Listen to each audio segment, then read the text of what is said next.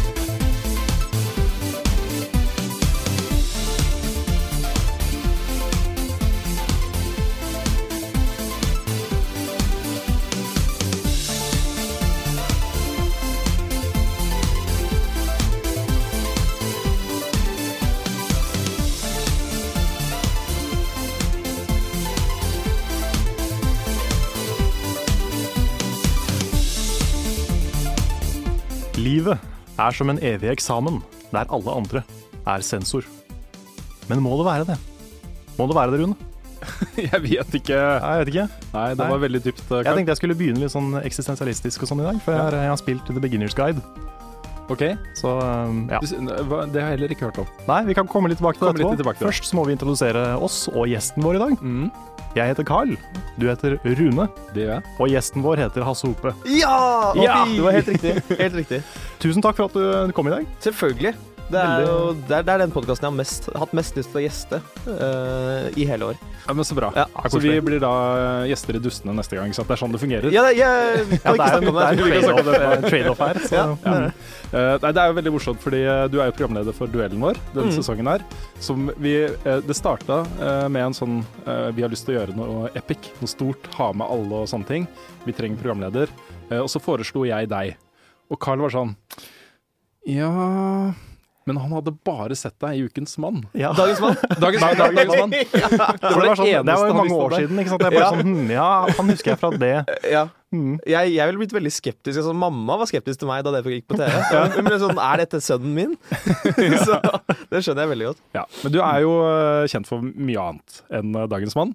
Eh, det starta vel kanskje med At Home her på VGTV. Absolutt. Eh, og så har du jo eh, de siste årene gjort det stort med Karl Johan, som er et veldig veldig morsomt program. Men takk for det. Og det er jo sånn, Vi som er, bor i Oslo, vi skyr jo Karl Johan som pesten. Vi går liksom runder rundt for å slippe Ja. å gå på Karl Johans gate. Ja, en drittgate, egentlig. Ja, jeg Ja. beklager at jeg liksom har gjort at den gaten har blitt så kjip. Nei, men Den har blitt Eh, enda verre. ja, ja. nå, er det, nå kan du til og med risikere å få noen som går etter deg, og så har på seg liksom sånn derre bald eh, cap og briller ja. og skjegg og liksom Det er broren min, liksom. Ja. Nei, det, det er en legacy jeg må leve med resten av livet, rett og slett. Ja. Ja. Ja, men eh, det er jo utrolig feel good. ja, Jeg må jo si det. Så som Spesielt noe av det beste jeg har sett, det var han der på sykkelen. Og så kom han andre på sykkelen, og så Ja! ble de venner. Åh. Ja, så koselig. Det er faktisk det. Vi, vi på kontoret sier at det er det fineste vi har laget. Ja, Ja. Men det, var, det, er- det er kanskje noe av det koseligste jeg har sett. To gamle menn som blir venner på direkten. Ja, det er Åh. fantastisk. Det var utrolig hyggelig. Jeg syns den hvor dere har den limbo-stikken, det, er- Ja. det er noe av det aller, aller morsomste der. Det er kjempegøy, hvor dere inviterer folk til å gå limbo, setter bind på øynene. Dere står der i fullt sånn meksikansk uh, getup, Mm. Og så stikker dere. Mm. Mens de står liksom sammen med limbo, uten, uten kameraer, uten noen ting rundt. Det er veldig, veldig morsomt. Takk for det. Det så jeg også på Imgur, faktisk. Ja, det var der vi det, Gjennom Imgur så, så, ble, så gikk det litt eh, viralt, uh, rett og slett. Og var innom Reddit og litt sånne steder. Så det var gøy. Mm. Morsomt. Men Ja. dette er jo en uh, spillpodkast. Hæ? Ja, det er faktisk det. Ja, det burde vi kanskje nevnt. For Jeg spiller ikke noe. Ja.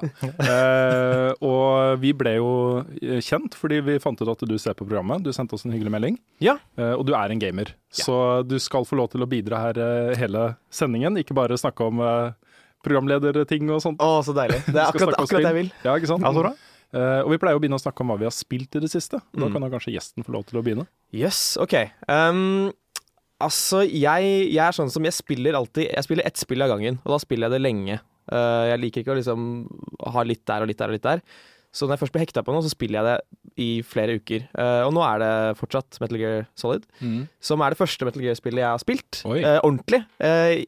Du kommer sikkert til å hate meg nå, men jeg, jeg kjøpte fireren, spilte det i to timer, og så la jeg det fra meg. Oi, oi, Det, oi. det var, jeg trodde ikke det var noe for meg. Sånn sneaking og sånn. Eh, ja, jeg vet ikke helt hva det var. Om det var kanskje Jeg har nettopp spilt mye Assassin's Creed da, Mm. og jeg følte at det var så mye mer fluid i liksom bevegelsen og hvordan han liksom Det så bare så stakkato ut da, for meg. Mm. Uh, og så spilte jeg da femmeren nå, og det er jo helt uh, jeg, jeg tenker ikke på annet. Nei, Altså, jeg, jeg avlyser avtaler for å dra hjem og spille det. Det er så fett. morsomt. Ja.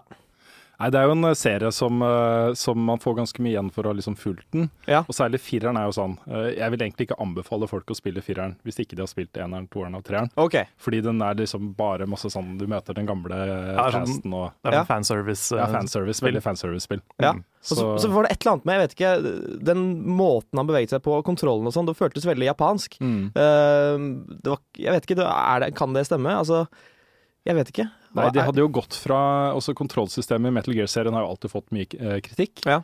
eh, fordi den er veldig spesiell eh, og veldig sånn fastlåst. Ja.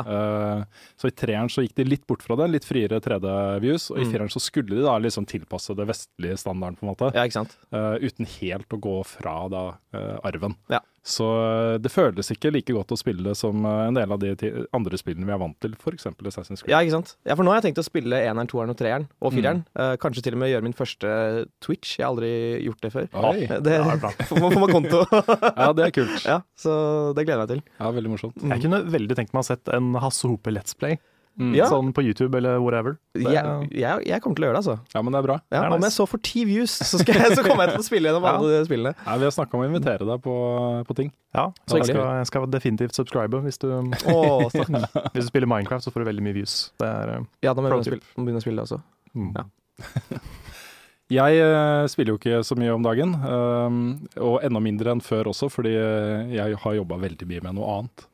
Eh, Ja. Som ikke vi kan snakke om, men det handler jo om litt fremtiden til Level Up. Det gjør det.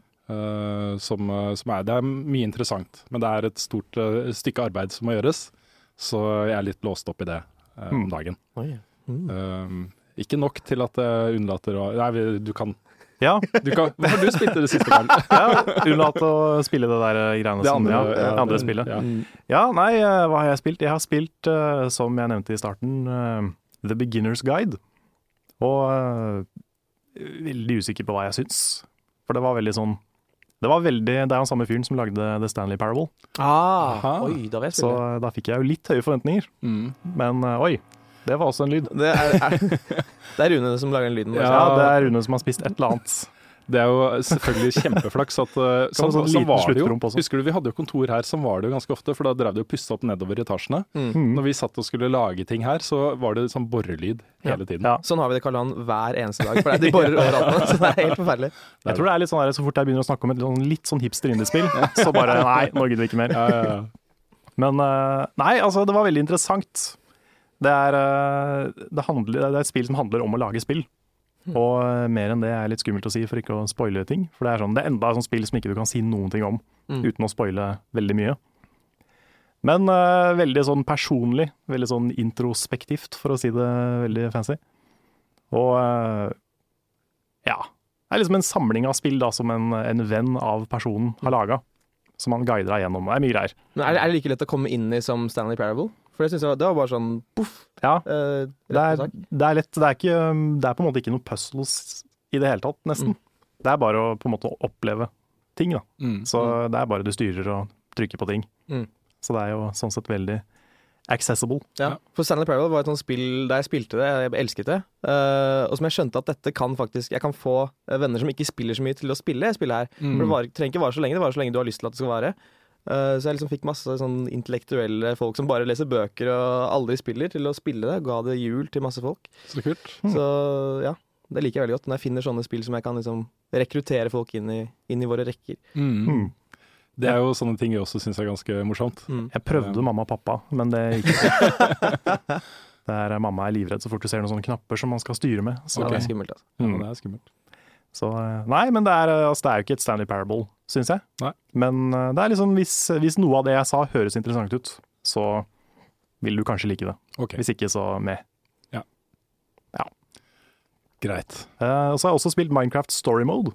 Ja, det er jeg spent på hva du syns om. Ja, det er jeg også, holdt på å si. For jeg vet ikke helt ennå. Det er jo bare første episode som har kommet, og det er jo veldig telltale. Og de har vært flinke til å liksom inkorporere Minecraft i det. Sånne ting ser ut som de er bygd i Minecraft. og Det er, de bruker liksom gameplay-elementer uh, fra Minecraft som forteller historien. Og det er ganske oppfinnsomt. Det, var veldig sånn, det minner meg veldig om The Lego Movie. Sånn i forhold til hvor, uh, hvor trofast det er da, mot uh, The Source. Mm. Um, men samtidig så føler jeg at jeg har spilt veldig mange Telltale-spill nå, så det er det kanskje ikke så mye nytt og spennende ennå. Ok. Er det like grusomt å gjøre valg som i Walking Dead? At du får vondt og ikke får sove er på ikke mange netter? Det er ikke fullt så vondt ennå. okay. Det kan hende det blir det. Ja, sånn At, uh, Drep faren din, eller kom deg ut av denne Ja, hulen. Ja. Ja. Du får eh, Første valget ditt er om du vil slåss mot eh, 100 uh, kylling, altså chicken size zombier, eller eh, 10 um, zombie-size kyllinger. okay. Det er det første valget du får. Ok. Så uh, nei, det er liksom litt på det nivået der i første episode. Mm. Men kanskje det kommer seg. Det kan tenkes. Det er eh, da tenkt som en eh, kapittelserie, sånn som alle Telltale-spillene, ikke sant? Det er det. Jeg tror det er fem episoder som skal komme. Nettopp. Så de tar jo sikkert eh, sin sweet time med å gi ut de, som de pleier å gjøre. Mm. Kan jeg som aldri, og det er kanskje å banne i kirka, men jeg har aldri spilt uh, Minecraft. Eh, Det er, det er nesten Har du ikke spilt heller. Minecraft? Jo, jeg har spilt Jeg har spilt Minecraft. Nesten ikke sant. Ja, men er det sånn at jeg kan bare spille det, og uten å liksom ha bygget uh, et Color Line-skip uh, i løpet av 45 timer? Du kan, Um, men jeg tror du får mye mer ut av det hvis du kjenner Minecraft fra før. Ja. Da, da tar du alle de der litt sånn søte referansene. Og, Ja. Det er litt som å se Lego Movie uten å ha bygd Lego ever. Ja. på en måte. Vi tar noen eh, nyhetssaker, og vi begynner i Norge. Eh, nylig så eh, annonserte jo Funcom at de kom med et horrorspill som heter The Park. Og da tenkte vi liksom ja, neste år en gang. Det kommer allerede 27.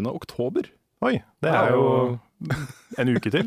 Ja, noe sånt. Wow. Og det er litt sånn sprøtt, fordi eh, man er ikke vant til den type eh, kjappe annonseringer. Mm. Det har skjedd av og til nå i det siste, særlig med den type prosjekter, Ja. som kanskje OK, hvordan skulle Funcom klare å holde interessen oppe i årevis for dette lille spillet her? For de sier det tar én til to timer å spille gjennom. Mm.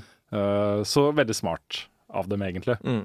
Um, det, de ble også sluppet da en, en sånn video som forklarte litt mer hvordan de tenkte. og Det var inspirert av Stephen King. Det var inspirert av uh, spill som uh, uh, 'Vanishing of Ethan Carter', Mm. 'Gone Home'. Så et veldig sånn opplevelsesbasert spill, hvor du spiller moren til en liten gutt som er forsvunnet i en nedlagt fornøyelsespark. Mm. Har dere sett uh, traileren? Det har jeg. Jeg har sett, ja, jeg tror jeg har sett den. Ja. Så, Så begynte det å bore igjen. Ja, det begynte å bore igjen. Det er, eh, jeg har sett én trailer, jeg vet ikke om det er den nye eller den forrige. Jeg tror det var kanskje var den forrige. Mulig jeg så den forrige, bare. Uh, hva syns dere? Hvordan Jeg synes, altså det, ser jo, det ser jo spennende ut. Det er en veldig kul setting. Altså, jeg synes sånn Nedlagte fornøyelsesparker er generelt veldig kult. mm. Uh, jeg husker for eksempel Jeg lurer på om det er det første Modern Warfare-spillet, så har, er det et, uh, en, et brett som er i Tsjernobyl. Der du på en måte har en sånn der pariserhjul, og alt er liksom forlatt. Jeg syns det er en veldig sånn kul, kul setting å, å sette et horrorspill i. da Mm. Så mm, det kan bli kult. Ja, jeg er eh, veldig spent på dette spillet. Eh, jeg har liksom ikke sånn voldsomt høye forventninger, egentlig. Men eh, Nei, jeg har ikke funnet helt den der hooken som Among the Sleep hadde, eksempel. Hvor det var liksom 'Å, du er en baby. Sweet, det her må vi spille'. Så jeg, har ikke fått helt den ennå. nei, men jeg gleder meg til å spille. Ja, jeg Det er, på det. er deilig med sånn spill som det tar én til to timer å fullføre også. For da Ja. kan man gjøre det, og så kan Mm. man liksom la det synke litt, og så mene noe om det. Ja. Kontra det å liksom spille et spill som Metal Gear, som kanskje tar 100 timer før Ja, ja. du er gjennom alt. Og, Ja, det er sånn der 3% completion etter 40 timer. ja, ikke sant? Mm. Altså, det er spennende. Uh, morsomt at de gjør noe annet enn store MMO-spill Mm. også. Ja. Så ja. Jeg kommer ikke til å spille, for jeg, jeg er litt sånn som deg, Carl, at jeg kan ikke spille skrekkspill. Okay. Det er bra det ikke bare er meg, altså. Ja, ja, nei, nei. Altså, jeg ser på meg selv som en ganske tøff type. Eh, tøff i trynet, men eh, nei, jeg kan Nei. ikke spille. Ja. Det kan jeg. Eh, og så har det jo akkurat vært gjennomført en stor beta av Star Wars Battlefront. Eh, det kom litt tall fra den nå. Over ni millioner mennesker har spilt den betaen. Det er mange som gleder seg. Har du spilt den, altså? Nei, jeg har ikke spilt den ennå. Jeg har tenkt å vente til det endelige spillet, for det, jeg er så ihuga Wars-fan at det må være perfekt når jeg først spiller det. Mm. Det, det, er, det er et spill jeg gleder meg så mye til. Vi må, vi må samle alle sammen og ha en sånn der skikkelig gaming-stream. når- Ja, Da må du være med. Altså. Ja, du, veldig, veldig gjerne. Ja, men det er kult. Hva Ja. foretrekker du å spille på? da? PC eller PS4? Uh, altså, jeg har ikke spilt PC på veldig lenge, fordi jeg har, jeg har liksom gikk over til Mac for fem år siden, og siden det så har jeg liksom Ja. holdt meg til konsoll. Da prøver vi å skaffe PS4-koder, da. Ja. Får vi se. Men det er, eh, det er flere redaksjoner som har spilt det. Nick skal lage en sånn topp fem ting de bør gjøre før det lanseres liste til oss til neste episode. Mm, ja, jeg kult. Eh, og det har kommet litt blanda reaksjoner. Uh, noen uh, forventa seg kanskje mer av eh, spillet. Hmm. At eh, ja, både Lars og Nick var litt Ikke, ikke lunkne, kanskje, men eh, Nei, altså, jeg snakka litt med Lars om det. Han sa at han, det føltes litt som plastikk, på en måte. mm. Litt sånn Ja, hva skal man si? Kanskje litt uferdig. Litt sånn billig. billig. uh, man skulle nesten tro det var en beta. Ja, nesten. ja, skulle det. Det skulle tatt seg ut. Ja. Ja, det skulle Ja. tatt seg ut. Vil dere høre, forresten, vil dere høre min Jeg har en sånn eh, lydeffekt av eh, lyssverd Ja, Nei. som jeg, som jeg liker å, Nei, den vil jeg ikke. Okay. Jo, vi gjør det. Ok, Må ikke Rune ødelegge, nå skal vi høre den. ok. Lukk øynene. Ok.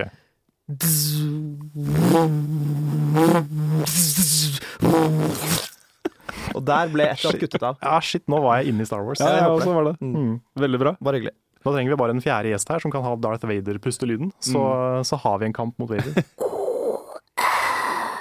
Oi, hvem var det? Oi, det var, eh, det var i hvert fall ikke Hasse Hope som tok den. det var i hvert fall ikke det. Eh, det har jo kommet litt reaksjoner også fra folk, fordi eh, prisen for Season Pass i Battlefront er også kjent. Ja, det er jo like dyrt som spillet. Ja. Det er jo dritt. Det, det er har jo- ikke jeg fått med meg. Season Pass er jo en sånn uh, OK, de gir ut et stort spill, Mm. og så forventer man at det kommer nytt innhold til det spillet uh, i løpet av liksom første året. Mm. Eh, og så har da veldig mange begynt å lage Season Pass. Det er liksom OK, alt som kommer av innhold til dette spillet, får du. Uh, og det er da samme prisen som spillet. Ja. Så du, du betaler egentlig dobbelt og håper at du får noe kult. Ja, for det er akkurat det som er problemet, for man vet jo liksom ikke om det er bra eller ikke. Mm. Man gir jo bare fra seg masse penger i et håp om at det kommer noe gøy, da. Mm. Og så det liksom kommer det bare liksom nye skins til Darth Vader. Ja, det er, sånn, det er en forhåndsbestilling til noe du ikke vet hva er for noe. Ja. Mm. Så det er sånn super pre-order. Mm. Men uh, jeg vet ikke. Uh, de, de gjør det nok fordi de kan. Det er Star Wars, og det er øh, Battlefront. Ja. Uh, så Altså, jeg kommer til å betale det uansett, liksom. Så det er bare, jeg, jeg, de, kan, de kan bare si sånn Hei, kan vi få 1000 kroner? Så gir jeg jo 1000 kroner til uh, Lucas Arts. Liksom. ja, sånn de- prosentandel av lønna di. ja, ja. Mm. Så lenge det er Star Wars. Så det er, jeg skjønner jo at de gjør det. Ja. Nei, uh, men det er, jeg syns det er litt trist. Jeg synes det er Ja, litt trist. det, er jo, det er jo kjipt at uh, man går for sånne litt slibrige eh, forretningsmodeller. Mm. I hvert fall, altså Season Pass er jo en uting generelt, egentlig. Mm. Du får kanskje rabatt på noe, men du vet jo ikke hva det er for noe, Nei. ofte. Mm. Kanskje har du fått annonsert et eller annet, og så vet du ikke helt hva som er i den pakka. Ja, i det hele tatt. Mm. Det er uh, litt sånn eh. Men jeg er i hvert fall enda mer spent enn før på hvordan spillet blir. Ja. Fordi uh, det var jo en smakebit vi fikk her. Jeg tror det, altså det jeg gleder meg mest til i dette spillet, er å gå inn i co-op med en gjeng og gjøre uh, epic shit. Mm. Det er det jeg gleder meg til. Ja. Ikke nødvendigvis å spille mot masse andre mennesker over internett. Ja. Så Og så lurer jeg også på hvordan det blir, eh, for nå har jeg aldri, spilt det, men jeg kommer jo bare til å løpe rundt og glede meg til jeg får power-upen, så jeg kan bli Darth Vader eller Skywalker. Det er jo det, er jo, det, er jo det feteste. Mm. Det er jo det du vil være hele tiden. ja, det er jo da i det, den betaen som var nå, så kunne jo spillere bli begge deler. Ja. Uh, og det var eh, Jeg tror det var etter å ha liksom gjort en del bra greier i spillet, Mm. og så fått, noen, uh, fått en bra score, mange Mm. headshots, et eller annet, så fikk du en opportunity til å kunne bli en av de, da. Mm. Så, så det var ganske morsomt. Oh. Så en veldig morsom video hvor en spilte som Darth Vader, gikk Mm. ned en korridor med masse masse stormtroopers, nei ikke stormtroopers, rebels, som Mm. skjøt på han. Og han bare gikk rundt med sverdet. Blokkerte, blokkerte, blokkerte. Helt borti alle sammen, og så drepte han hele gjengen. Åh, det, oh, det er.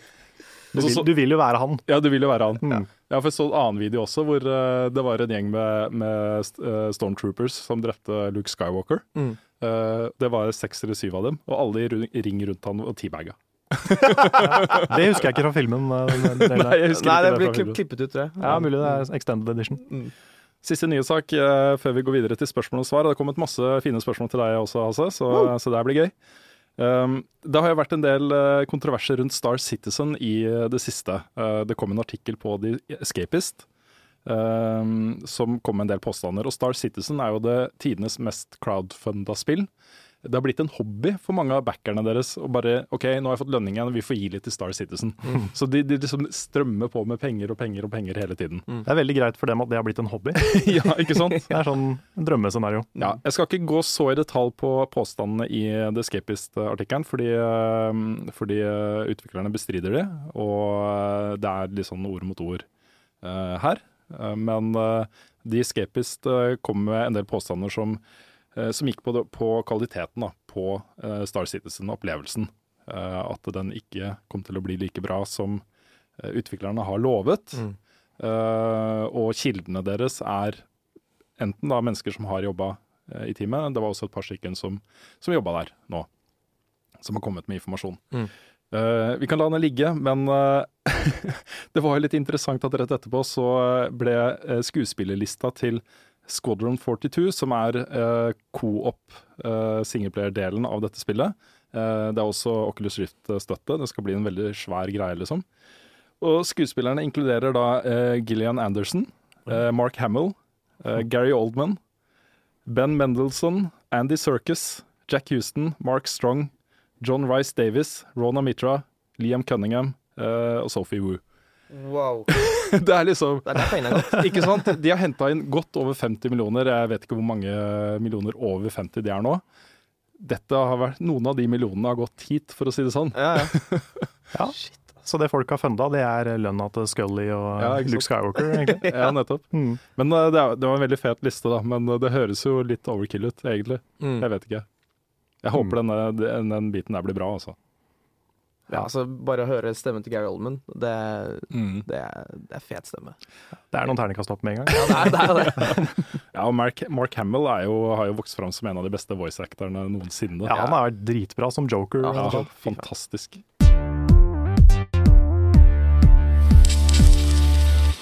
Vi begynner med et uh, veldig passende spørsmål, som egentlig er til, uh, til oss alle. Det er fra Sivert Eng. Uh, han spør hvordan var det å spille inn duellen? Og du kan jo få lov til å begynne, Hasse.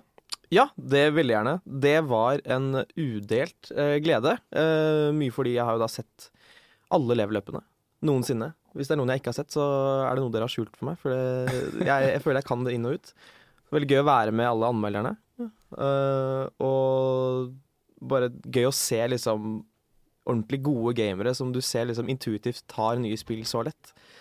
Eh, og ikke minst så ble jeg jo veldig misunnelig. Eh, fordi jeg ikke da var med å, å konkurrere. Så det, det, det kommer jeg til å ta igjen. Spille alle de spillene. Ja. Det var kjempegøy. Det var jo et eh, stort eh, prosjekt for oss, dette her, men vi lagde det jo på samme måte som vi gjør alt annet, egentlig. Eh, jeg hadde ikke noe manus. Vi visste hvilke spill vi skulle spille. Mm. Og så hadde vi bare et vagt ønske om å gjøre litt morsomme ting mellom selve duellene. Mm. Det var egentlig det.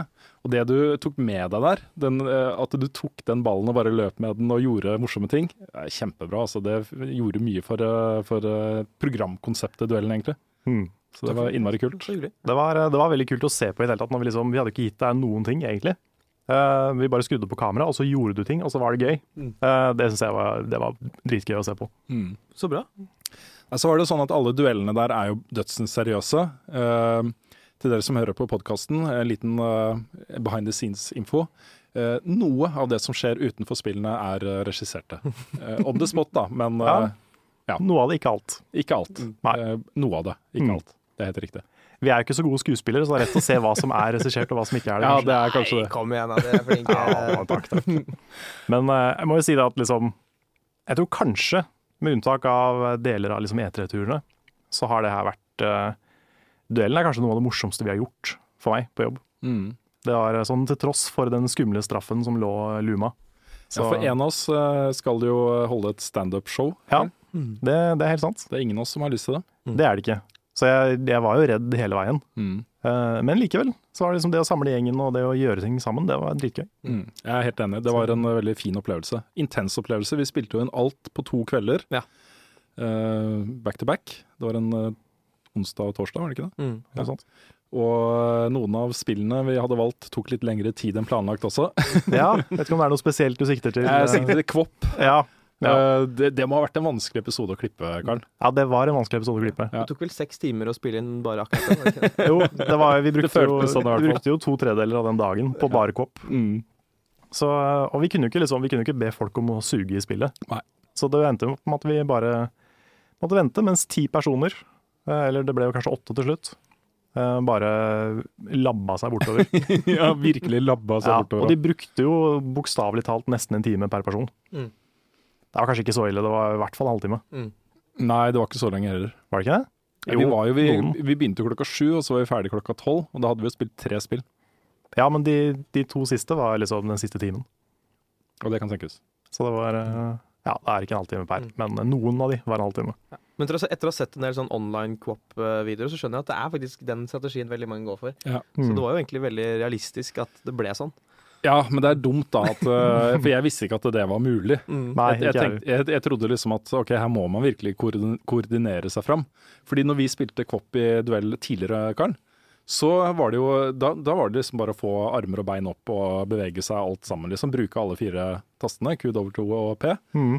Eh, og bare prøve å løpe. Ja, Det var ja for sånn- da tok jo duellen fem minutter. Ja, han gjorde det. Mm. Så øh, ja. Men uh, veldig morsomt konsept, og uh, um, ja. Det blir nok ikke kåp igjen neste gang vi har duell. Nei, det blir ikke Kåp uh, neste gang. Kanskje Klopp? ja. Det, tror, jeg, ja, det tror ikke vi kan eh, gjøre sånn i. Går det ikke? Jeg tror ikke det. Nei, Da skal du styre en hest, Halse. Oh, ja. Eller en enhjørning, er det ikke det? Jo, det er, en, det er vel en ja, en enhjørning. Huh. Så du styrer alle fire beina til enhjørningen da, ja. Ikke sant? Det også var ganske morsomt. Ja, kanskje det kan være noe til the sequel Mm. en dag. En av de beste cosplayene jeg har sett, er en som cosplaya Kopp. Ja. Som hadde på seg drakta og Mm. løp veldig rart. Greit, det har kommet inn eh, masse spørsmål, og veldig mange av de er eh, til deg. Åh, Ja. Deilig. Så vi kan begynne med uh, et fra Robin uh, Kjernsmo. Uh, er det planlagt flere Karl Johan-sesonger etter den som går nå? Eh, blir dere eh, blir, blir dere Hilde på ja. Blir dere til å holde på i 20 år til? Mm. Godt spørsmål. Um, det som er litt interessant, er at dette er noe vi egentlig aldri har sagt offentlig før nå, så dette blir en slags scoop. Hey! Level up scoop. ja. Um, altså, etter denne sesongen med, med Karl Johan, så, så blir det Det blir ikke Karl Johan neste år. Uh, så kall det hva du vil, at vi er ferdig med det, eller at vi tar en veldig lang pause. Det blir noe annet neste år, et helt annet program. Men så er det mulig at vi kommer tilbake til Karl Johan om fem år, om ti år, om 40 år. Uh, hvis jeg lever da. Og det, det regner jeg med, for jeg har et veldig sunt kosthold. Så, så ja, det blir i hvert fall Siste episode er om uh, tre uker. Ok. Ja. Det er jo litt trist, da. Det er trist. Mange som har blitt glad i det programmet. Det var trist level up scoop. Ja. Det var Ja. sånn der, level Det er up scoop. Ja. Nei, Mm. det er jo vemodig for oss også. Mm. Uh, men vi kjenner bare at vi må utfordre oss selv på andre måter og se om vi får det til. Og om neste program suger, så blir det Karl Han om to år. Mm. Har dere vurdert Carl Berner? For, det, for det er så kjedelig der nede, så kanskje bare finne på noe gøy der. Oslos mest kjedelige rundkjøring. Veldig gjerne. Mm. Det er gøy. Og her kommer 20-bussen, ja. Skal vi se. Oh, Ja, nei, der ja. kjørte den. Det. Ingen som skal ha her, nei. nei. Eh, Men kan ikke du si litt om din hverdag? Fordi du, er jo, du jobber jo med TV-produksjon, Mm. eh, og ikke bare Karl Jan. Du jobber med litt forskjellige ting. Du var jo annet ganske sterkt delaktig i eh, Amir og Odin, som Mm. gikk på VGTV. Mm. Um, fortell litt om det. Ja, nei, altså vi, sitter, vi er da et eksternt uh, produksjonsbyrå som da leverer til bl.a. NRK. Uh, men vi leverer også til, til VGTV og, og driver mye og skriver på andre konsepter for andre uh, folk. da. Som vi leverer til VGTV, TV Norge, TV 2 osv. Så. Eh, så det er veldig mye sånn idéarbeid. Eh, og jeg liker veldig godt å skrive for andre også, og ikke bare være på skjermen. For jeg har, liksom, jeg har en utdannelse fra Westerdals som tekstforfatter. Mm. Så jeg liker å liksom få brukt det også. Ja. så det er mye å sitte stille og skrive, og så gå ut og være kald. Det er morsomt. Og så var det jo uh, At Home som gikk på VGTV. Det har jeg sagt til deg før, jeg har nevnt det i podkasten før også. Men det, var jo, det har jo vært veldig inspirerende for veldig mange, inkludert oss. Uh, for den viser jo liksom her er det mulig å lage morsomt, bra TV uh, som skrangler litt, eh, med få folk. Mm. Det er en veldig kul greie, altså. Altså det, var, det er noe av det aller gøyeste å lage som jeg har vært med på. For det, som du sier, det var veldig veldig nedpå. Det var lavt budsjett, det var liksom bare meg på skjermen og, og en til. Eh, så det er noe jeg håper jeg, å lage en oppfølger til en dag. Jeg har Selvfølgelig på kommet, kommet til spørsmål om det. Det er et stykke ned på lista her, så jeg skal komme tilbake til Ja. det seinere. det er en som spør om det kommer mer at home, så det var, Oi, da var sier jeg svar at jeg ikke noe mer. Mm. Ja. Kanskje jeg løy. Stay tuned. Um, skal vi se. Fra Cato Skjørestad. Uh, til Lasse, fikk du tatt den ølen med Noriaki Kasai som du ble lovet etter det intervjuet? For det var jo også veldig morsomt. Det var også noe som gikk viralt. Fordi uh, han er jo en veldig kjent uh, japansk eh, skihopper. Mm. Eh, han har holdt på i veldig mange år. eh, og holdt seg på toppen i mange år. Mm. Eh, og så møtte han da etter eh, OL, VM, Eh, ja, VM i Falun. nettopp. Mm. Eh, og intervjua han på japansk. Mm. Og han var jo ikke forberedt på det i det hele tatt. Og Nei. det ble veldig morsomt. Men fikk du den ølen? Altså, jeg, prøv, jeg prøvde uh, der og da uh, å liksom komme i kontakt med liksom, støtteapparatet hans, Uh, men de var litt sånn oh, no, He no drink beer when competition og, altså, liksom, Han kan ikke, han kan ikke bli drita fordi han skal Mm. hoppe i morgen. Men det jeg gjorde, var at jeg dro til Japan i mars i år. Og da dro jeg til Sapporo, der han bor. Og da dro jeg litt rundt og liksom prøvde å komme, komme i kontakt med han. Og det var flere som liksom kjente han og bare sånn Nei, vi kan, vi kan se om vi får det til. Jeg, jeg føler jeg var veldig nærme, da. Mm. Men det blir et sånn livslangt prosjekt. Og jeg kommer til å gjøre det før eller siden. Ja, Ingen tvil. Ja, kult. Jeg, bare ble så glad, Mm. fordi han ble så glad. Ja. For å få endelig et spørsmål på japansk. Ja. Mm. Det var kjempegøy. ja. Det, er, for øvrig første gang jeg har fått brukt min japansk eh, noensinne til Mm. noe vettugt. Det kommer flere spørsmål om de tider i Japan og, og sånt mm. senere. Eh, Men Cato har også et tilleggsspørsmål. Kan du si noe om Rune og Carl på japansk? Som i utgangspunktet er litt slemt, men ikke si hva det betyr. Så vi som kan språket kan le litt. Og de tror du sa dere er så flinke til å spille, eller noe. Og må jeg advare deg? Kona mi kan japansk. Oi! OK, OK. oi, ok. Så da kan du bare si noe slemt om meg, men ikke Ja, jeg kan, jeg kan prøve det. Ano, Karu-san wa ah, honto ni ah, manko no yo na hito da to omou desu keredomo. OK. Ja, mm, så bra. får vi se hva det Ja, betyr. da får vi se. Det gleder Nå er jeg veldig spent på hva det betyr. Ja. Det er et eh, spørsmål fra Christian Laksmark til eh, deg også. Hvor mye spiller du? Åh. Um, jeg spiller så mye jeg har tid til. Uh, altså når jeg ikke er på jobb, og når jeg ikke skal henge med dama, for hun spiller ikke. uh, og jeg får, ikke lov til å spille når jeg er sammen med henne. uh, den fritiden jeg har, den bruker jeg mye på spill, altså. Mm. Så jeg vil si i gjennomsnitt kanskje mellom én og to timer hver dag. Skulle ønske det var mellom fem og seks. Mm. Når jeg har ferie, så er det veldig mye mer. Kult. Ja, for, altså forrige sommerferie så spilte jeg Jeg tror jeg spilte Nino Kuni i 20 Oh. dager i strekk. Wow. Sikkert åtte timer hver dag. Så det var den Nino Mm. Det er uh... Ja, ja, det, det, ja jeg, blir, jeg blir litt sånn mm. rørt når jeg bare sier navnet. Mm. Mm. Eh, spørsmål fra Aylar von Kuklinski. Hei og hopp. Jeg har et spørsmål til dere alle tre, som jeg har uh, som jeg kommet på særlig litt pga. det jeg forbinder Hasse Hope med, Karl Johan, eller rettere sagt morsomme, men flaue sketsjer. Mm. Så hva er det flau, flaueste dere noensinne har opplevd? Ja, ser dere på meg? Skal jeg begynne? Ja, har, jeg, har jeg fortalt uh, Det er mulig jeg har fortalt det på podkasten før, den reagensrørhistorien? Det husker jeg ikke. Nei, jeg kan uansett ta en reprise på den. Uh, på ungdomsskolen, som jo er den flaueste tida i livet ditt, så hadde vi naturfag. Og skulle koke opp uh, kokende vann i sånne små reagensrør som vi hadde på pulten foran oss. Og så holdt jeg et sånt reagensrør og skulle klø meg bak øret. Og så ender det opp med at når jeg- jeg heller kokende vann inn i øret, og eh, det gjør jo ekstremt vondt, Ja. kunne sikkert vært litt farlig. Um, men jeg ville jo ikke lage lyd, for det hadde vært enda flauere.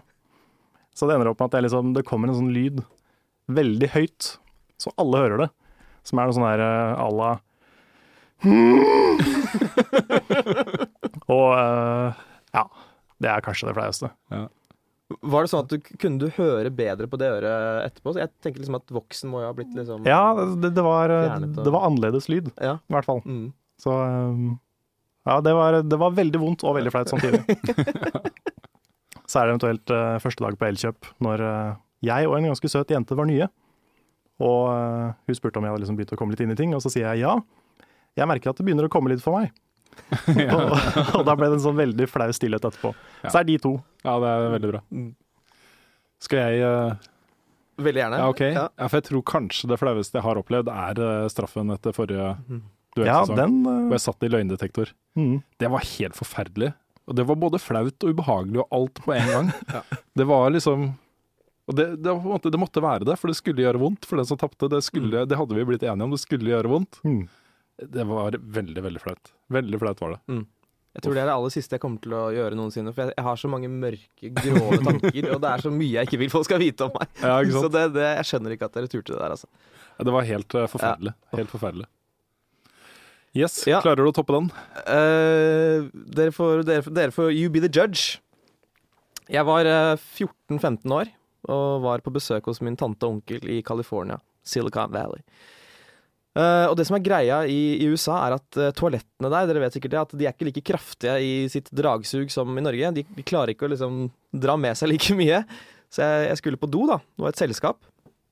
Så gikk jeg på do, og så hadde jeg ikke vært på do på kanskje et par dager. Bommeli bom. Uh, og så slipper jeg da en, en, du, en durabel En- en- svær En graut. En graut. Mm. En veldig fast graut. Eh, og så skal jeg trekke opp, og så Den beveger seg ikke i det hele tatt. Altså Vannet bare surrer rundt. Den blir stående uh, helt stille. Så vet jeg at det står folk i kø utenfor og venter på å komme inn. Og da er gode, gode råd dyre, så det jeg gjør, er at jeg finner uh, liksom håndkleskuffen deres. Finner et håndkle, tar og pakker det inn. og, så legger, og så er det et vindu ute i bakgården her, så da tar jeg og legger den ut i bakgården, lukker en vindu og går ut. Men det stopper ikke der, fordi jeg klarer å glemme dette. Og to dager senere så er tanta mi ute og skal liksom børste støv i bakgården. Eh, Nei, løv. Og da finner hun pakken. og ikke minst, det var et veldig dyrt håndkle. Og jeg klarte ikke å se henne i øynene på veldig, veldig mange dager. Nei, det var ille. Det er ganske ille. Oh. Mm. Da vet dere det. Jeg, jeg tror du vant. Takk. Nei, jeg tror kanskje du vant den, ass. Et håndkle fullt av bæsj, den Det rangerer jeg Men, høyt. men sånn sett er det ganske smart også. Ja, ja, ja. Hadde, jeg, hadde jeg klart å bare gjemme, altså gått ut og bare fjerna det, så ville det vært helt genialt. The perfect, Mm. The perfect crime. Men det er en idé som er så smart at du bare får den når du har så panikk. Ja. Ja. Så Ja, fordi jeg må jo da innrømme at akkurat det samme skjedde med meg i USA. Jeg var utvekslingsstudent der. Ja. Men eh, jeg var ikke så smart. Jeg bare trakk det og trakk det til det begynte å renne over. Big mistake. ja, det var big mistake. Ja. Så ja, det var også ganske flaut. Mm. Um, skal vi se. René Bjerknes Olsen lurer, sier han har alltid, vært, har alltid vært nysgjerrig på hvordan dere lager eh, broren til. Kan du avsløre det? Det kan jeg. Um, ok, det som er greia, er at vi uh, Vi har veldig, veldig mange klær. Vi har kanskje 15 Ikea-bager som er stappa med alle mulige krøllete klær. Eh, og så har vi kanskje 40 parykker. Og så har vi blitt veldig gode på å liksom se hva slags klær folk gjerne går med. Uh, gamle folk går med beige jakker. Eh, unge jenter går med liksom uh, florete topper osv. Så, videre, og så, så ser vi da raringer liksom 50 meter ned i gata. Begynner å kle oss om så fort vi bare kan. Og så går den andre og begynner intervjuet, og så løper vi bak. Det tar kanskje 30 sekunder. ja. Vi har jo gått forbi og sett eh, den kleskolleksjonen deres. Ja. Det ser ganske absurd ut. Det ser ut som dere har utsalg Ja, ja, ja, vi blir stoppet 20 ganger hver gang vi er ute. Ja. Og det er folk som vil kjøpe de forferdelig stygge klærne. Mm. Ja. Jeg må bare nevne igjen også eh, den frykten man føler når man går på Karl Johan og dere er i aksjon. Ja. For Man ser jo det fra ganske lang avstand, Mm. at eh, det er et eh, kamerateam der og sånt. Mm. Da går man gjerne liksom to, tre, fire kvartaler Ja, ja, ja. om vei. ja jeg, jeg ville også gjort det hvis jeg så meg selv stå der med et kamera. Så jeg ville aldri stoppet. Eh, skal vi se. Men akkurat det merker jeg litt her på VG òg. Mm. For det var en gang jeg gikk ut av kontoret, og plutselig så var jeg på film sammen med Siv Jensen. Hæ? Det var sånn, Hun sto rett utafor kontoret vårt, og så plutselig sa jeg bare Oi, der er kamera, og der var hun. Ja.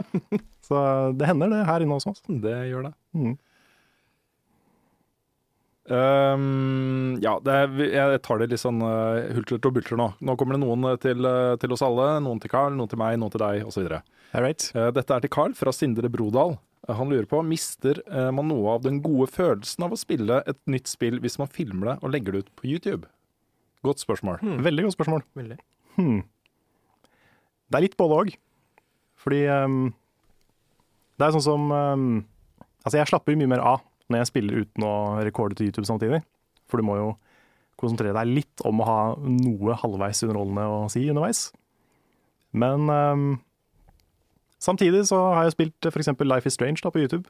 Og det, det blir jeg kanskje mer investert i, sånn basert på at jeg deler det med andre mennesker, for å si det litt cheesy. Mm. Så um, jeg vet ikke, jeg føler det er liksom Du har den der fellesskapsdelen som du får når du recorder noe, eller streamer noe. Eh, og så har du den der eh, mer intime aleine-greia hvor du sitter aleine og spiller. Så begge kan fungere Mm. på hver sin måte.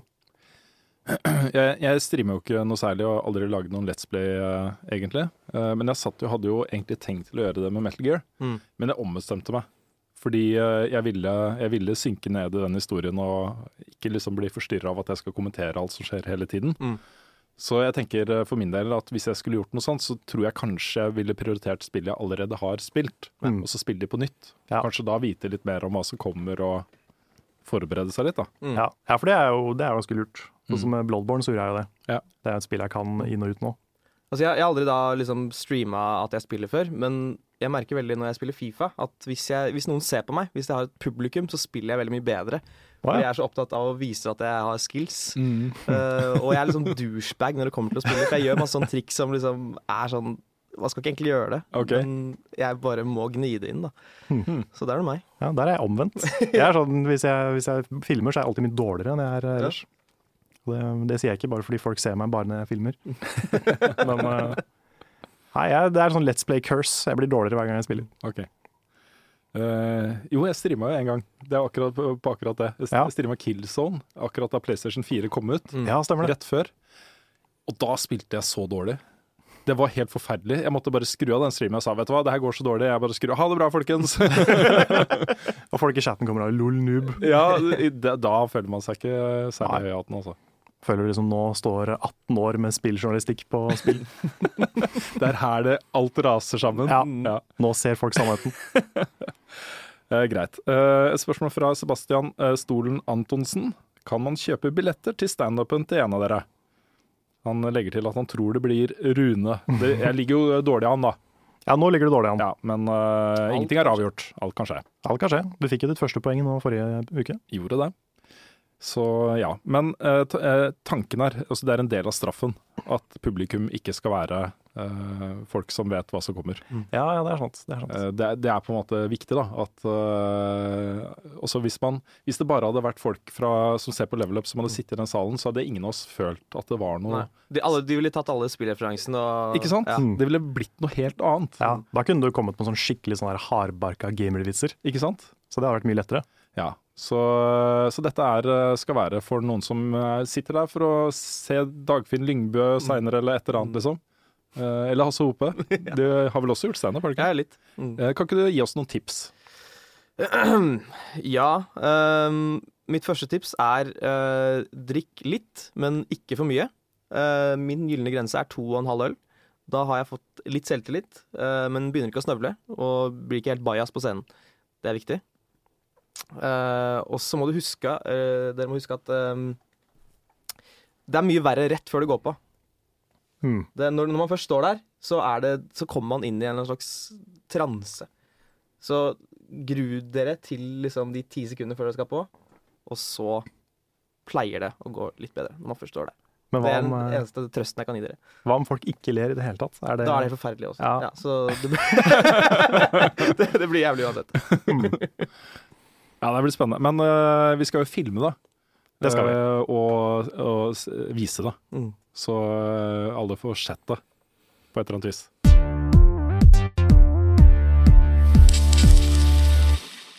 Vi har fått et spørsmål fra Alexander Aanvik.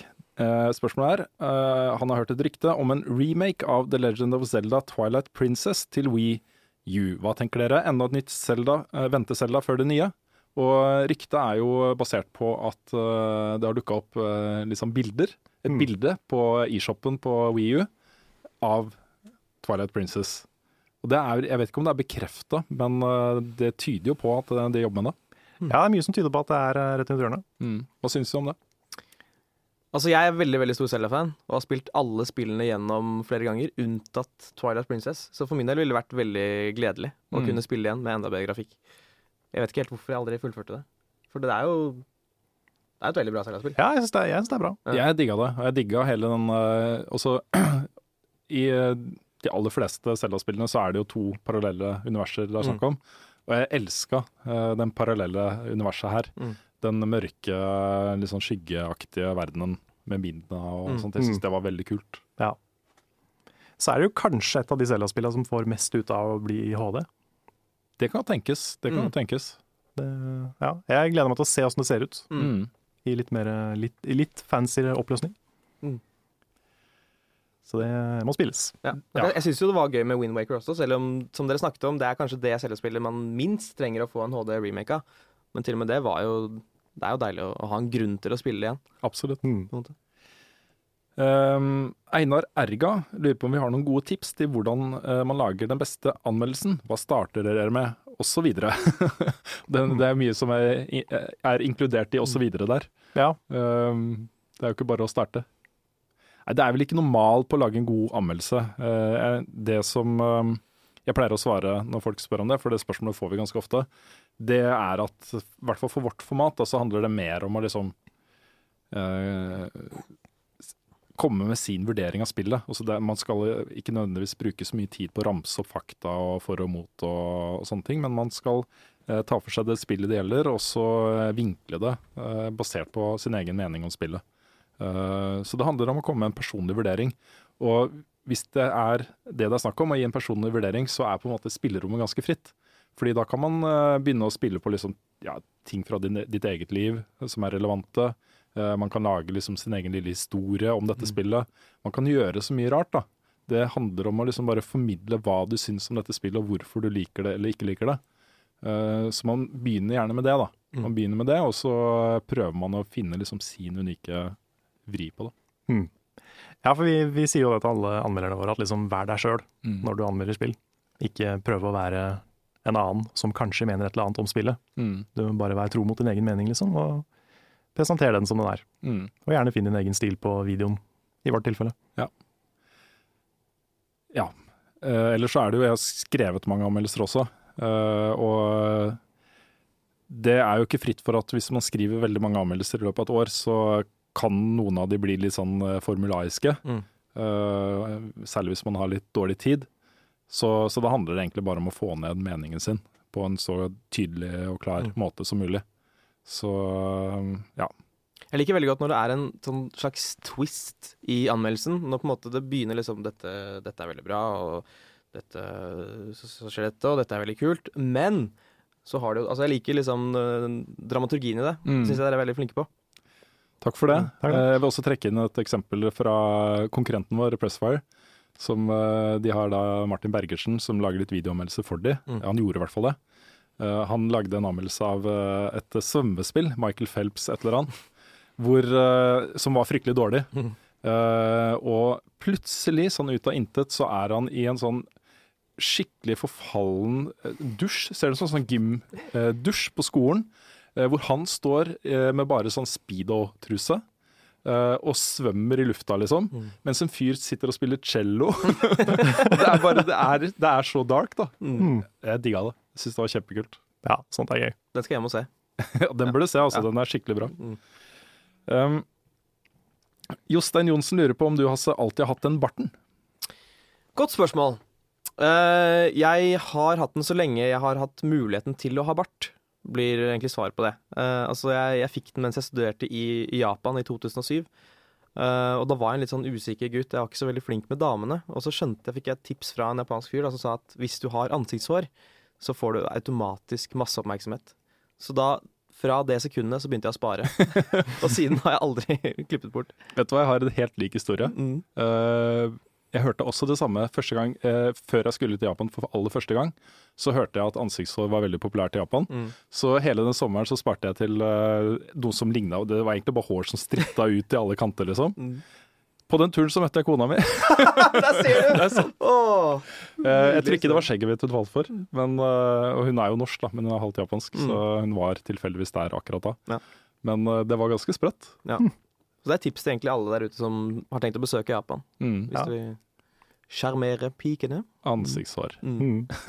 Det eneste jeg fikk mer oppmerksomhet fra når jeg fikk uh, skjeggbart, var egentlig drug dealers. Jeg ble liksom aldri spurt om noe før, men så fort så fikk jeg skjegg, og da bare en- hele tida. Du ser ut som en som røyker. Ja, tydeligvis.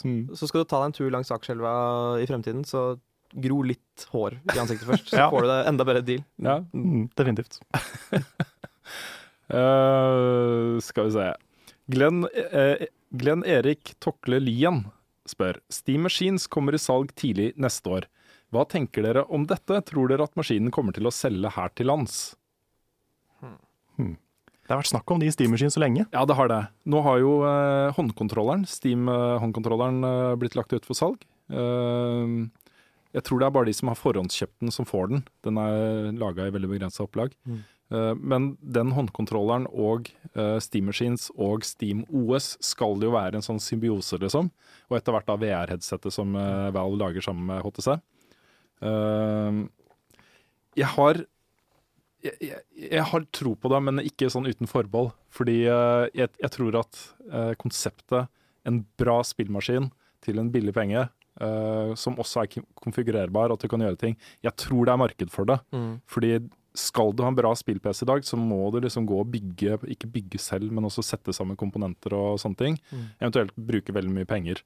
Uh, og man ser jo at eh, PS4 og Xbox One, som jo koster en 3000 kroner cirka, når du spiller det på en TV OK, du har liksom PC Master Race som, tenker, som sier at det er aldri like bra som PC, men det ser veldig pent ut. Mm. Uh, og det kanskje ikke det trenger å se så mye penere ut enn det for veldig mange. Så det at du kanskje da kan få kjøpt en steamerskinn til 5000 kroner, som er dritbra, som kommer til å være det en god stund, og så kan du eventuelt skifte ut grafikkortet etter hvert hvis du vil. Konseptet i seg selv er bra, da, men Mm. om det kommer til å selge er nesten helt umulig å si. Jeg vet ikke. Mm. For sånne som meg som ikke har uh, PC lenger, så er dette veldig, veldig kult. Mm. Jeg har ikke hatt en bra PC siden konfirmasjonen min. Nettopp. Da brukte jeg alle pengene på en PC og ble skjelt ut av eh, bestemor. Ja. Jeg tror ikke hun skjeller meg ut hvis jeg kjøper en steamaskin. Nei, for den ser, du, noen av de modellene kan du liksom ha i, eh, i TV-racket ditt Mm. eh, liksom sammen med de andre Mm. tingene dine. Ja. Hmm. Så ja. Jeg har lyst på en sånn. Jeg har det, altså. Jeg også. Men jeg vet ikke hvor mange som kommer til å ha det. Nei. Jeg lurer på om det, om det kommer til å være kraftig nok til å liksom kunne drive og lage litt video og streame og sånne ting. Stream machine. Om det, liksom, om det går an. Det, er, det kommer garantert til å bli en greie. Når du ser nå liksom uh, Ja, vi fikk en melding fra noen som hadde kjøpt en PC fra Uh, ja, en PC som ikke virka lenger, og lurte på om vi kunne skaffe en ny PC til han. det er ikke akkurat sånn ting fungerer. Men, uh, men det er mange som kjøper utstyr for å liksom lage ting på YouTube og Twitch og streame, og at det er, det er den primæroppgaven til den maskinen. Mm. Og da burde det jo liksom lages pakker ikke sant, som har webkamera og mikrofon, bra mikrofon og alle disse tingene her som man kan praktisk talt bare trykke på en knapp på maskinen som det står Twitch på, liksom, så går det rett ut på Twitch. Mm. Det er- hadde vært dritbra. Ja, ja, for det er en ting som mange har brent seg på, at liksom de har kjøpt en gaming-PC, Mm. men så viser det seg at de må ha noe bedre enn en gaming-PC for å kunne game og rekorde samtidig. Nettopp. Så det er jo, krever litt ekstra. Det gjør det.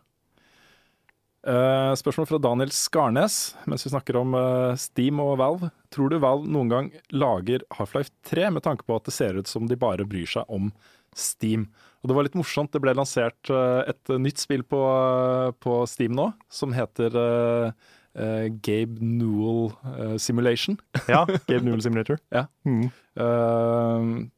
Det, det, også, alle venter jo på Half-Life 3, men det ser jo ikke ut som det noen gang kommer.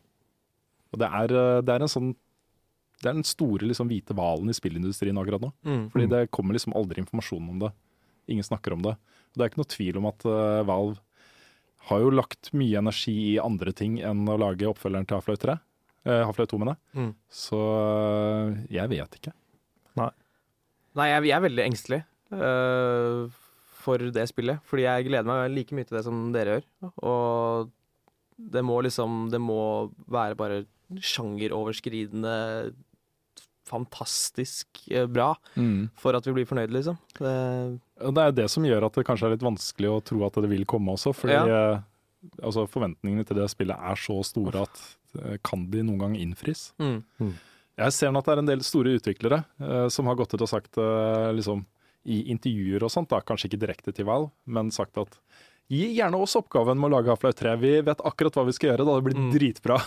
jeg lurer på Naughty Dog var en av de som eh, Ja, Ja, han, ja, ja, ja, ja. Neil Druckmann sa det på Twitter i hvert fall. Nettopp. Og det er, det er jo en tanke. Det er jo noe der. Sånn som f.eks. da Nintendo la ut Metroid til, eh, til Retro Studios. Som da lagde Metroid Prime, som var en FPS-lignende eh, variant av det. Det er jo mulig. Mm. Det fins selskaper der ute som har veldig nære forhold til eh, store spill, og Ja. som godt kunne tenke seg å lage en, en oppfølger. Ja. Men tror du Valve tør det, å outsource eh, Half-Life 3? Da måtte de vært ganske tungt involvert eh, selv, tror jeg. Mm. Ja. Jeg har et tips til Val, hvis, hvis dere hører på. Uh, jeg sier ikke på engelsk, så da får dere få noe til å oversette. Um, lag Half-Life 3, men kall det noe annet. For eksempel Chaffplife uh, Kle, et eller annet sånt. Uh, send det ut. Folk kommer til å elske det. Og når det liksom har lagt seg, når har satt seg, folk har spilt det og elsker det, så kan dere si 'dette var Half-Life 3'. ja. For da kan vi bare spille uten å ha alle de der forutinntatte Mm. meningene. Mm. Kanskje The Last Guardian er det? Ah. At det faktisk er Half-Life 3? Mm. Hovedpersonen heter eh, Morgan eh, Freehold. Ja. etter alt. Ja. Nei, men det, det har vi snakka om før, da. At hvis de noen gang skal gi ut Half-Life 3, så bør de bare gi det ut. Ja. Ikke annonse det, Nei, bare gi det ut. på dagen. Men det, nå, det liksom. tror jeg de kommer til å gjøre òg. Hvis, de- hvis de gjør det. Altså Hvis de gir det ut, så kommer de til å gi det ut sånn. Ja, fordi da, da rekker ikke folk å verken grue seg eller glede seg. Det er Mm. ikke noe previews eller noen ting, liksom. Det bare er der. Man kan Mm. sitte og spille. Og de eier jo Steam, så det kommer til å være overalt på Steam. Ja. Mm. Så Det hadde jo blitt uh, lasta ned eh, 150 millioner ganger eh, Mm. første døgnet uansett. Ja. Så ja. Greit. Um, Vegard Aase Ruud lurer på hvem som er best i Fifa av, av deg og din makker eh, Erik Solbakken. Åh, ja, nå er ikke han her for å forsvare seg, men det driter jeg i. Uh, jeg gruser uh, den grønnskålingen hver gang. Eller i hvert fall fire av seks ganger.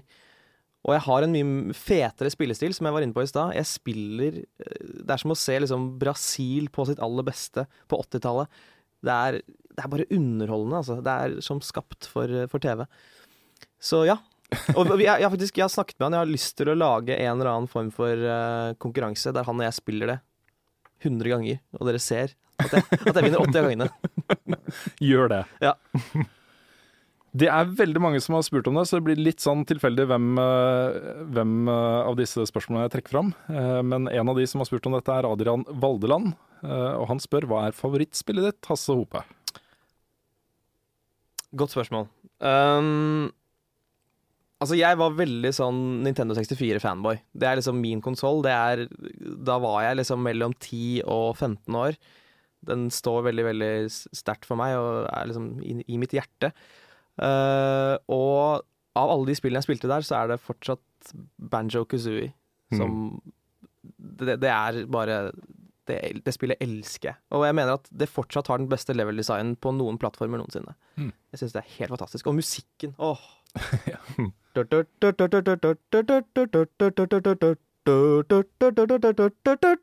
Ikke sant? Mm. Det er det best. Det, på plattformspill så er jeg ganske enig, faktisk. Mm. Det er dritbra. Mm. Uh, men oppfølgingsspørsmålet da blir har du spilt Ratchet Clank? Vet du hva, det har jeg ikke. Og jeg har okay. hørt deg snakke veldig varmt om det. Ja. Og det det, det er rart at ikke jeg har spilt det, men jeg har ikke det. Nei, for da det kom, så var det på en måte ehm, Hvis du ser bort fra Crash Bandicut, som jo var litt mer sin egen greie, Mm. men, eh, men særlig Jack and Daxter, og første Jack and Daxter og første Ratchet and Clank, var jo på en måte eh, Sonys svar da på Mm. uh, Banjo Kazooie, Mario og sånne ting. Mm. Og den samme liksom oppfinnsomheten. eh, OK, du har et veldig bra eh, utviklerteam som skal lage noe som er i samme eh, sjanger som Super Mario, men det skal være liksom sin egen greie. Mm. Hva gjør vi da, liksom? Hva skal vi finne på for å få dette kanskje bedre enn Super Mario? Mm. det er litt den der greia som ligger bak, da, den designfilosofien. Og det er så mange gode, uh, mye god oppfinnsomhet der. Mm. Uh, og jeg tenker at de har mye til felles da med Banjo Kazooie, Ja. som også hadde den samme oppgaven. liksom. Vi må lage et plattformspill som ikke er Mario, liksom. Det er sin, har sin egen greie. Ja. Eh, ja, de Ratchet Clank-spillene, altså. De er uh, de første. Er, Er, er, de like, er de like gode på liksom, humor som Rare var på sitt beste?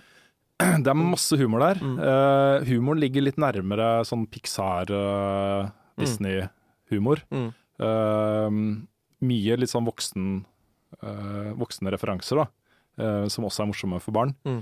Så den har jo, nå skal jo den første Ratchet Clank-spillet også bli film, en kinofilm. Mm. Uh, og de lager hele det spillet på nytt, så da får dere jo en god mulighet til å liksom komme inn i den serien. Ja, det, det skal jeg spille, altså. Og det er eh, veldig oppfinnsomt. Mm. Veldig, veldig oppfinnsomt. Gode bosskamper og masse deilig utforsking og Mm. kule våpen og Ja, hm. greit. Uh, skal vi se om vi kan ta et spørsmål eller to til her. Eh, her kom det spørsmålet faktisk, fra Erik uh, Marensius Sundin. Blir det mer at home? Der kom den! Der kom den. Uh, uten å ha lagt noen planer, noen konkrete planer om det, så kan jeg egentlig bare si at jeg kan ikke dø før jeg har laget sesong to av At Home. Det er, det er et livsprosjekt for meg. Det, Mm. det skal skje. Og selvfølgelig skal det skje på VGTV. Mitt eh, favorittøyeblikk der var eh, da Odda klaska til det. Åh, det, det var ikke planlagt, og det var så vondt. Og det- Ja, for han slo hardt. Ja, han slo kjempehardt. Han er- han er en sterk fyr. Jeg er en liten mann, herregud. Nei, det, det, ja, det, det glemmer jeg aldri. Mm. Dere kan få slå meg etterpå hvis dere har lyst til det. Kjenne hvordan det føles. Veldig mykt kinn.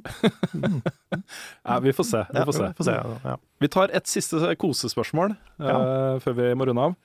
Uh, spørsmålet er fra Bjørnar Johansen Bolstad, og spørsmålet er rett og slett hva ønsker dere dere til jul?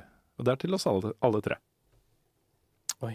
Å, nå må jeg tenke. Ja, for det her blir vanskeligere og vanskeligere jo eldre man blir. Mm. Man har liksom, man har jo lønn. Ja. Man kjøper seg gjerne de tingene man har lyst på. Det er noe med det. Ja. Og vi, vi jobber jo med spill, så sånn sett så kjøper vi jo mye spill også. Mm. Mitt, eh, mitt øn høyeste, mitt aller, aller høyeste eh, ønske for jul, og nå begynner jeg å skjønne liksom hva foreldrene mine Fordi da jeg vokste opp, så var det jo Vi spurte jo liksom hva de ønska seg til jul. Da ønska de seg snille barn. Mm. Mm. Og vi tenk, jeg tenkte på det som en sånn derre ikke-svar.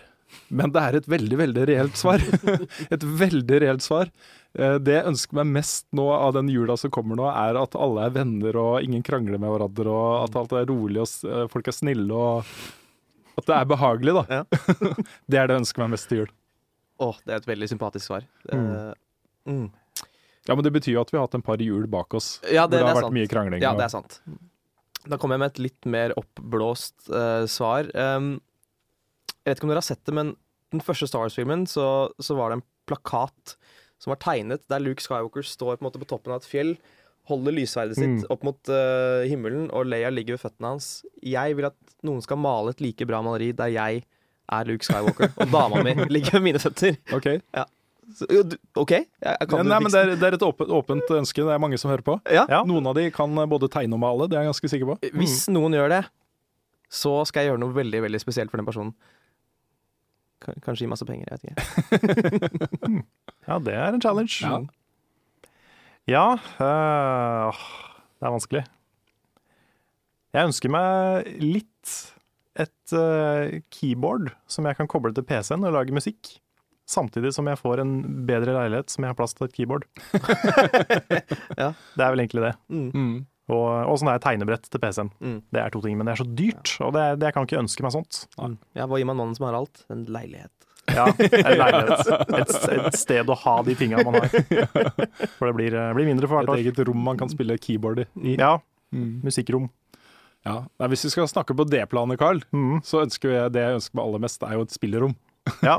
Et Ja. rom jeg kan sitte og spille. Nå sitter jeg i et krok inne på soverommet. Det er uh, stusslig, Mm. men eh, jeg får jo lov til å sitte der av kona, da, så det er jo ikke stusslig. Det er jo faktisk veldig raust av henne. At jeg får lov til å Ja, sitte veldig. der og spille. Ja. Mm. Så Ja, hvis vi først er der, så vil jeg ha 10-15 millioner kroner Ja. på bok. Hvis det går an å få.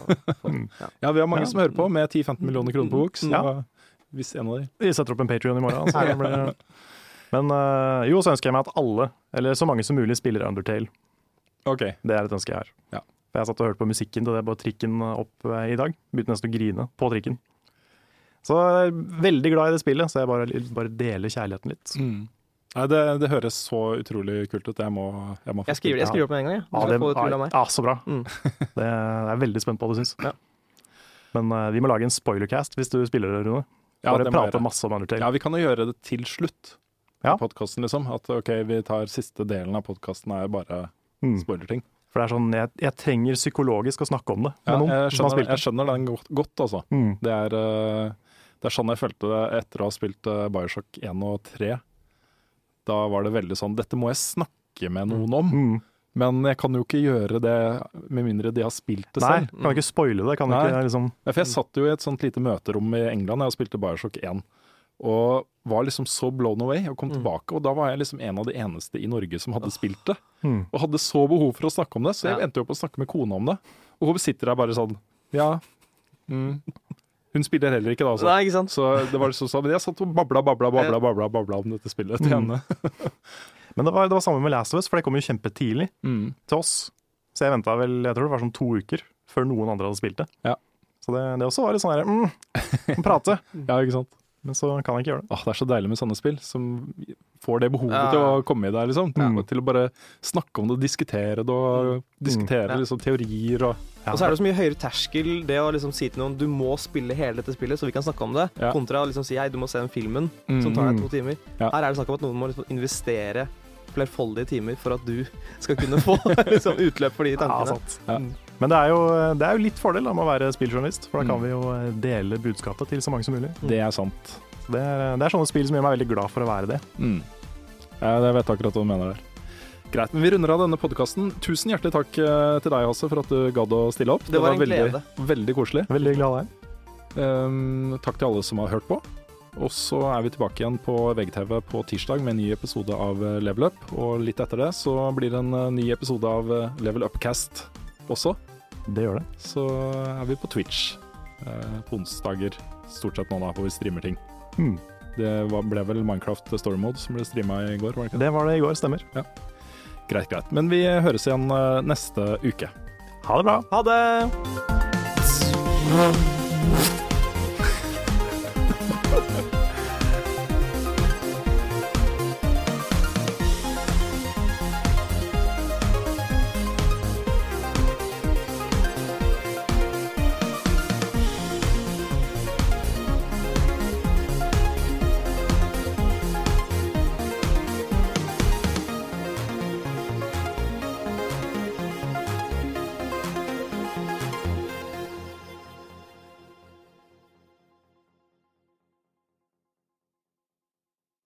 Har du et enkeltpersonforetak eller en liten bedrift? Da er du sikkert lei av å høre meg snakke om hvor enkelt det er med kvitteringer og bilag i fiken, så vi eh, gir oss her, vi.